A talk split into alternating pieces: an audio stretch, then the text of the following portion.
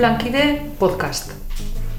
Gaurkoan, Ander Etxeberria otadui dugu gure artean. Arrasatearra eta bi umeren aita. Eskola Politeknikoan eta Deustuko Unibertsitatean ikasi zuen, otaloran egin zituen praktikak eta gero lanean ere bertan egon zen, ondoren ikerlanen pertsonal departamentuan, eta 2006tik Mondragon korporazioan ari da edapen kooperatiboaren arduradun bezala. Egia esan, guk tulankiden etxekoa sentitzen dugu hander, eta espero dugu bera ere horrelaxe sentitzea elkarrizketa honetan. Kaixo hander, ze moduz? Ondo, eskerrik asko gonbidapen agatik. Oso ondo. Az gaitezen ba, berbetan. Bueno, esan bezala ez, badie urtetxo batzuk, kooperatibetan hasi zinela, Nola pasatu die urte honek? Atzera begiratuta ze balantze egiten dozu eta zerekin geratzen zara? Urteak askar, beti moduen, batez be edade batekuok garenok, ez da? Dik, poin, berroita urte bete berritxut. Eta ikasi bereziki urte guzti honetan, kooperatibismoari buruz, bai teoria eta bai praktika. Gure kooperatibismoari buruz eta baita kanpoko kooperatibismoari buruz sorionez harremana izan dut eta daukat kanpoko jente askorekin eta hariek kontatzen didate euren bizipenak, euren arazoak, euren erronkak eta hortipe ikasten dugu. Bai, esan dugun bezala edapen kooperatiboaren arduraduna, zara, korporazioan. Baina zer da edapen kooperatiboaren arduraduna izatea? Kooperatibismoa edatzea? Zergatik, nola, zertarako, nun? Mondragoneko esperientzia kooperatiboa hasi, lehenengoko enpresa martxan jarri, eta handi gutxira hasi ziren iristen mundu guztitik pertsonak interesatuta fenomeno honetan. Zeran da posible, pertsona batzuk aldi berean izatea bazkide, izatea langile, eta horrelako enpresa kompetitiboak sortzea. Lehenengoko pertsona kanpotar horiei erantzunak ematen, harimendiareta bera izen zen. Gero, ba, zuzendariak, sortzaileak, Orain dela markada batzuk, Mondragonek pertsona bat jarri zuen, bere lanaren zati batean dedikatzeko edapenera. Eta orain dela, ba, uste dut, okerrez banago, amagost urte inguru, pertsona bat egun osoz, edo lanaldi osoz, hortara. Eta gaur egun hori ninaz, Mikel Ezamizi hartu nion lekukoa. Guk egiten duguna da, azaldu kanpotarrei, zer den Mondragoneko esperientzia kooperatiboa. Egiten dugu hemen, eta baita kanpora joaten gara azaltzera zer garen ez da bakarrik kanpotik eh, datozen eskaerei, eskaerei erantzutea, baita gure kooperatibak egiten dituzten eskaerak. Eta zeintzu dira eskaera horiek? Kooperatiba bat harremanetan dago bezero batekin, edo bezero potentzial batekin, edo hornitzaileekin, edo bestelako jenteekin, eta pertsona haiek esaten dute, ah, baina zuen kooperatiba zarete, eta zer da hori? Bueno, ba, hortarako hori azaltzeko gaude gu edapen kooperatiboa. Mm -hmm, oso ondo. E, egisa da, gainera, ez da, Mondragon eta Arrasateko kooperatibismoa erreferentea dela, munduan. Dana dela, ez tozu uste apur bat idealizatu ero egin dela, ez, e, esperientzia hau, bere errelatua, ez da, behin baino gaixautan entzen dugu bizitza xumea zuen apaitz bat e, iritsi zala arrasatera, herriko gazteekin sortu zuen mugimentua, eta bar. Nik uste hor ez dagoela idealizaziorik idealizazioa edo ideala notago hasierako asmoetan. Arimendiarri eta beraren asmoak edo lehen sortzaileen asmoak irakurtzen baditugu edo galdetzen badiegu, haiek esaten duten hori bai dela ideala. Hori bai da mundu berri bat, pertsona berri bat, nik uste dut hori dugula lortu, nik uste dut nire lagunen artean, nire inguruan ez dagoela diferentziatzerik beraieken egoten bagara, zein dan kooperatibista eta zein ez dan kooperatibista, beraz, pertsona berri hori uste dut ez dugula lortu, baina izugarria da hemen egin dena. Hemen, martxan jarri dena, realidade hori izugarria da. Kanpoko batentzako izan daiteke ideala, guretako naturala da hori bizi dugulako hamarkada askotatik ona.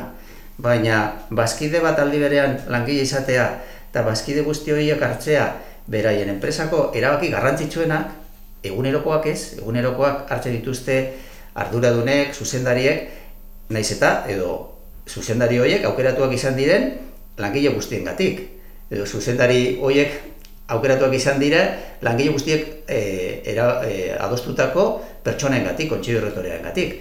Bueno, hori bakarra da munduan. eta horrek dauko impacto bat gizartean. Gizartean dauken impacto hori erreala da. Modelo honek dauka eragin positibo bat gizartean, hori erreala da, hori ez da ideala. Idealak ziren, hasieran zituzten asmo handi haiek. Errealidadea handik, nik izango nuke nahiko urrun dagoela. Baina beste enpresekin konparatuta eta beste modeloekin konparatuta ere urrun gaude. Eta hemen eskuartean daukaguna zerbait erreala da. Eta bere figura, aritmendi herrietan figura, esango zeuke apur bat idealizatu egin dela, edo denporarekin, edo, edo ez? Nik uste dut ezetz. Bera bizi izan zen pobre ez, oso pobre. Eta ez zen islari ona, baina hurbiltasunean izugarrizko gaitasuna zaukan, naturalki jendea konbentzitzeko eta jendea mugiarazteko. Bera guzti hau jarri zuen martxan. Kontestu habe kontutan hartu behar da. Gerra ostea da oso egoera zaila, baina ekonomikoki etorriko da desarrollismo bat onuragarria izan zela kooperatibintzako eta beste enpresetako ere bai. Beraz, arimendiaretan figura oso garrantzitsua da eta erreala da. Bai, esango nuke, arimendiarreta bat sortzen dela gizarte honetan, bestak egiten da berrogeita mar urtien behin edo berreun urtien behin. Figura berezi bat da, baina erreala. Uh Ados. Bueno, azuka ipatu duzun bezala ez da urtean zehar bat bizita jasotzen dituzu arrasaten, eta ba, asko izeten dira mundu osotik eta ba, emengo esperientzia ezagutzen ez da. E, zerke harritzen ditu gehien? Osea, datozenak e, zerekin gelditzen die e, zabalik? Munduan daude milaka eta milaka kooperatibak. Eta kooperatiba gehienen formatua da produktoreen kooperatibak. Hau da, ni bazkide izango naiz, ba, eta bazkide izango naiz kooperatiba baten dirua jartzen dudalako edo matxa, edo erremolatxa, edo patata. Baina gero, agian ez dut enpresa horretan lanik egingo. Hori da gure modeloa. Gure modeloan, bazkide naiz eta kooperatiban lan egiten dut. Eta kooperatiban gertatzen denak eragiten dit. Kooperatiban hartzen ditugun erabakiak eragiten didate. Kooperatibari ondo badokio, ba, badoakio niri ondo doakit. Eta alderantziz hori bakarra da munduan, bakarra da munduan ze zentzutan. Hori egiten dugu gut, guk kooperatiba mordo baten, egun kooperatiba inguru gara gaur egun, kooperatiba industrialak, kontsumokoa, finantzak, eskuntza, ikerketa, eta kooperatiba erlatiboki nahikoa handia. Kooperatiba industrialek berreunda berrogeita marbazki dituzte e, ertaina. Hori ez da munduan. Eta gainera ez da anekdota bat, bai hori gertatu zen Europako hegoaldean hamar urtetan eta gero desagertu ziren kooperatiba horiek, ez bizirik jarraitzen dugu irurogeita bost urtetan. Sistemak funtzionatzen dau, eta sistema honek dauka impacto bat, eragin bat gizartean, begiratu hemen ze bizitza kalitate dagoen. Zintzu dien errentak eta errenta horrek zelan dauden banatuta, hori bakarra da munduen. Kanpotarrako nadatoz, entzuten dute esaten duguna, aurretik badakite zerbait, ikusi dute bideo bat, irakurri dute dokumentu bat, e, liburu bat, badakite zerbait, ona ikusi, ona etorri eta ikusten dute, ah, ba, egia da, egia da, ez dira perfektuak, ez gara perfektuak, kontra esan mordo bat daukagu. Gero ematen dute buelta bat herritik eta ikusten dute, ai ba, hemen gertatzen dena, ez da gertatzen nire herrian. Hemen ikusten ditut umeak euren kabuz jolasten plazan eta gurasoak arduratu gabe taberna kanpoan daude euren artean hitz egiten. Eta ez da ezer gertatzen. Edo joaten gara taberna batera, eta beraiek ez dakite hori, baina norbaitek azaltzen die, ba, kuadrilla honetan daudela e, taierreko langileak, eta arduradunak, eta agian lehendakari orde bat ere. Taberna berdinan, gauza bera egiten kuadrilla berean. Bizitza estilo antzerakoarekin. Hori ez da munduan. Uh Bai, egisa da, zuk esan duzun bezala, ez, ez bakarrik eh, kooperatibetatik, baizik eta, bueno, herri, herri mailan eta egiten dituzuela beste bizita batzuk, eta askotan turismo gida bezala be aprobetsatzen dozuela, ez da, alde batetik bestera ibiltzeko. E, ez dakit, seguro dauketzula anekdotaren bat, edo, ba, ez dakit, e, Txina, Korea, Brasiletik datozenak, seguruenik e, oso harrituta geldituko die hemen ba, arrasaten, edo inguruko herrietan ikusten dutenakin. Bai, egiten duguna ez da enbeste turismoa, baizik eta zentzu bat dauka eta helburu bat dauka. Zentru korporatiboan edo taloran esaten duguna eta ikusi duten hori, gero, bueno, ba, konpara desatela kalean ikusten dutenarekin, lehen aipatutakoa. Taberna berdinean ikusiko dituzte kuadria diferenteak, eta kuadria bakoitzean danetariko langileak, ezta? Eta batzuk dira kooperatibistak eta beste batzuk ez. Elkarte gastronomiko batera joango gara eta berdina, mai baten egongo dira lagun batzuk, eta horien artean batzuk dira zuzendaria, beste batzuk eh, taierreko langileak eta algarrekin daude gauza bera egiten. Eta askotan joaten gare elkarte gastronomiko batera afaltzera, bizitariekin. Eta hor nik azaltzen diet, bazelan, oindala egun da piku urte, lur beretik urten ziren antzerako landarebi. Batzu dira elkarte gastronomikoak eta beste batzu dira kooperatibak. Lur beretik landarebi, antzerakoak. Elkarte gastronomikoetan, funtzionamendua nolabait demokratikoa da. Asamblea bat dago, zuzendaritza bat dago, Mm, erabaki garrantzitsuenak asamladan hartzen dira eta gure kooperatibetan antzerakoa da. Gure kooperatiba konplexua bat dira, organo gehiago daude, baina antzerako funtzionamendua dute. Vale, hori batetik. Eta bestetik, batean eta bestean, propietatearen zentzu antzerakoa da. Nik, nire elkarte gastronomikoan egunen baten erabaki ditzen badut, baja izatea, ez dut, semeikorik ere jasoko. Hor jarraitu behar du elkarte, elkarte gastronomikoak, aizialdirako aukera hori ematen, ba, beste pertsona batzuei soziedade kooperatibo baten antzerakoa da. Nik egunen baten e, kooperatiba guztien badut, eta utziko dut, gutxienez jubilatuko naizelako, ba, nik eramango duena da, edo nik eskatuko duena da nire kapitala, baina ez kooperatibaren balioaren portzentaje bat. Ez, beraz, propietatea da zaintzeko, enpresa edo elkarte hori zaintzeko eta horrek biziri jarraitzeko batean aizialde aukera eta bestean lan aukera emateko beste pertsona batzuei. Hortaz, hori ere azaltzen diegu, eta hori bizi daue. Gero, anedotan artean, ba, elkarte gastronomikoan bertan, beraiek kozinatzen dute, eta beti nik jartzen didana da, igual, egun ematen aldatu beharko dut, baina orain arte, ba, txuletoia, eta hor danetari daukagu, ba, txuletoia batzuk zatikatzen dute, e, zati pare baten, beste batzuk zatikatzen dute zeharka, eta txuleto horretatik fileteak egiten dituzte, batzuk izugarri erretzen dute, kiskalita, eta ba, danetarik. Nik beti beraiei usten diet egitea. Norbait etortzen bazait eta esaten eta handera, eta hau zelan egiten da, eta ze, zelan egingo dut. Eta zu nungua zara. Ba, ni naiz eh, korearra, bueno, bain koreako estiloan. Beraiek posik, ni posik. Primeran. bueno, aurrera egiteko, bueno, kooperatibismoa, etorkizuna, gazteak, belaunaldi berriak, bueno, ba, bortxe dauelako, ez da, e, etorkizuna. Hainbat aldiz kritikatu da ba, kooperatibismoak baloreak e, bueno, galdu edo kadukatu direla, ezta? Aldatu beharra dagoela, eguneratu beharra, zuk nola, nola ikusten duzu hau? Hori oso gai interesgarria da, baloreak aldatu dira, bueno, neurri batean bai, baina hori esaten dugunean beti hola nostalgia batekin esaten dugu, ezta? Normala da, ze adinez aurrera ginala, ba, esaten dugu, cualquiera tiempo pasado fue mejor, ezta? Bestiak, edo bertsoak dioen moduen. E, begira, demokrazia aldetik. Hasierako urteetan, esan bazkide bat boto bat, indiziaren arabera zen. Indizia bi zuenak, bi boto zituen. Eta indizia bat koma bat zuenak, bat koma bat boto zituen. Hori ez da gaur, aldatu egin dira baloreak. Gaur, bazkidea boto bat. Inguru giro aldetik, zer esan dezakegu? Deba ibaia, hemetik pasatzen den, baiara honetan pasatzen den ibaia, izan zen, irurogeita margarren amarkadan eta larogei garren amarkadan, Europako ibairik kutsatuena. Gaur ez da horrela. Eta gara hartan kutsatuena bazan, neurri baten kooperatiben batik ere bazen. Industria, hemen zegoen, industria batik izango zen.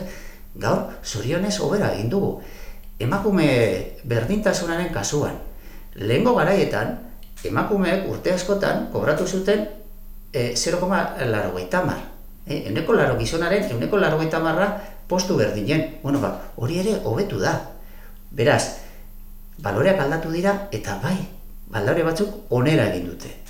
Beste batzuk, ba esaten da nien, lehen lan, askoz lan gehiago egiten zen eta implikazioa, kontutan hartu behar dugu, lehen zela momentu konstituyente bat. Kooperatiba sortzen ari dira. Eta beste edozein ekimen aurrera eramateko hasierako urteetan, ba, orko dinamika berezia da. Beraz, hori normala da aldatzea. Baina gaur, danok ezagutzen dugu jentea, orduak eta orduak ematen dituela asteburuan edo lan eskampo kooperatibetako gaietan lanean. Beraz, hori dana aztertu beharko litzake, eta relatibizatu. Zer esaten dugu, e, esaten dugunean, baloreak aldatu direla. Eta gazteak nola ikusten dituzu? gazteak, begira, hemen baiara honetan bizi garenok, eta esaten dut baiara honetan hemen kooperatiba asko daudelako, ezta? Dano dakigu, norbait, gazte bat, bazkide egiten dutenean, bere familian celebrazio bat egiten dela. Joango dira, elkarte, elkarte gastronomikora, joango dira, e, jatetxe batera eta egingo dute celebrazio bat. Segatik. Ba, gauza handia delako. Gaurko gazteen dako ere bai. Nik kanpotarrei galdetzen didatenean eta nola konbentzitu norbait gure kooperatibetara lanera etortzeko. Ba, nik esaten diet, hiru argumentu mota daude. Eta lehenengoko argumentua da esatia begira zelako enpresa potentea garen. Puntako teknologia, jente oso jakituna zure inguruan egongo dena lanean, dela industriala, dela eskuntzakoa, etorri gurekin ikusi zelako erronkei ematen diegun erantzuna gure enpresetan. Hori da lehenengoko erakargarritasuna. Eta gero daude beste bi. Eta beste bi zeintzu dira, bata dau bihotzaren inguruen. Eta bihotzaren inguruko argumentazioa zein da, hombre, gure gana etortzen bazara, basuk, bazkide bezala izango duzu boto bat. Zuzendari nagusiak ere, boto bat dauka. Eta zuk, beste guztiekin batera hartuko dituzu, erabaki garrantzitsuenak. Egunerokoak ez, egunerokoak, bueno, ba, ardura duna bazara, bai, egongo zara hortan implikatuta, baina bestela, bai garrantzitsuenak.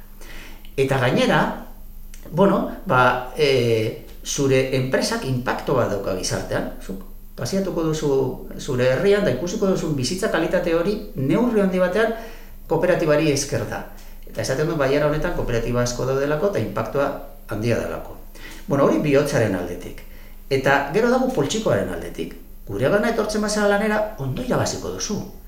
Gutxienez, hemendik kanpo irabaziko zenukenaren berdina. Ez bazara e, zuzendaria edo ardura duna. Kasko horretan gutxiago, baina diru asko da.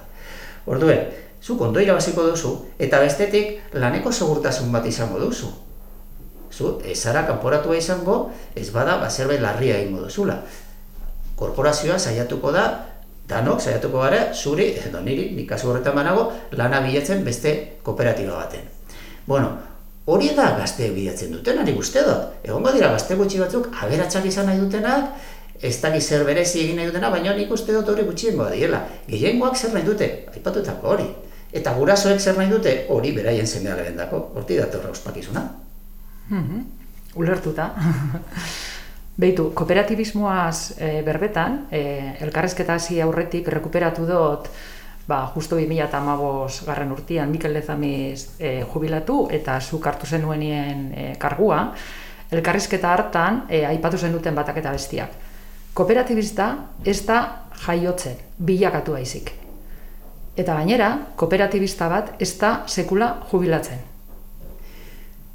Bai, hor dau beti debate bat, gure historian eta aspaldiko teulankidetan be hori irakurri aldugu, zer da lehenago kooperatiba edo kooperatibista izatea. Egia esan nik ez daukot hori, horren erantzunik, ezta? Zer nik uste dut, estrukturak, egiturak, garrantzi handia daukela. Etorri alda gure kooperatibetara lanean edozein lekutatik gazte bat, eta integratzen da. Integratzen da, eta berdin dio ze balore dakan. Onartzen du, lehen aipatutakoa, bazkide bat boto bat, ez da oso zaila hori onartzea. Onartzen du, diferentzia retributiboa, abaneko retributiboa, zeren eta soldata hona da. Eta onartzen du, ba, bere gizartean ikustea eragin bat bere lanararen ondorioz. Hori, ez da zaila onartzea, eta berdin dio nondi datorren. Eta berdin dio aurretik esango duruken hau kooperatibista da, edo ez, orokorrean esan da, orokorrean. Eta bestetik, e, beste galdera zan, parkatu, bigarren... E... Ez, zan, e, kooperatibista ez da jaiotzen bilakatu baizik, eta gainera, kooperatibista bat ez da ah, bai, sekula jubilatzen. Hori bai, nik uste hori horrela dela.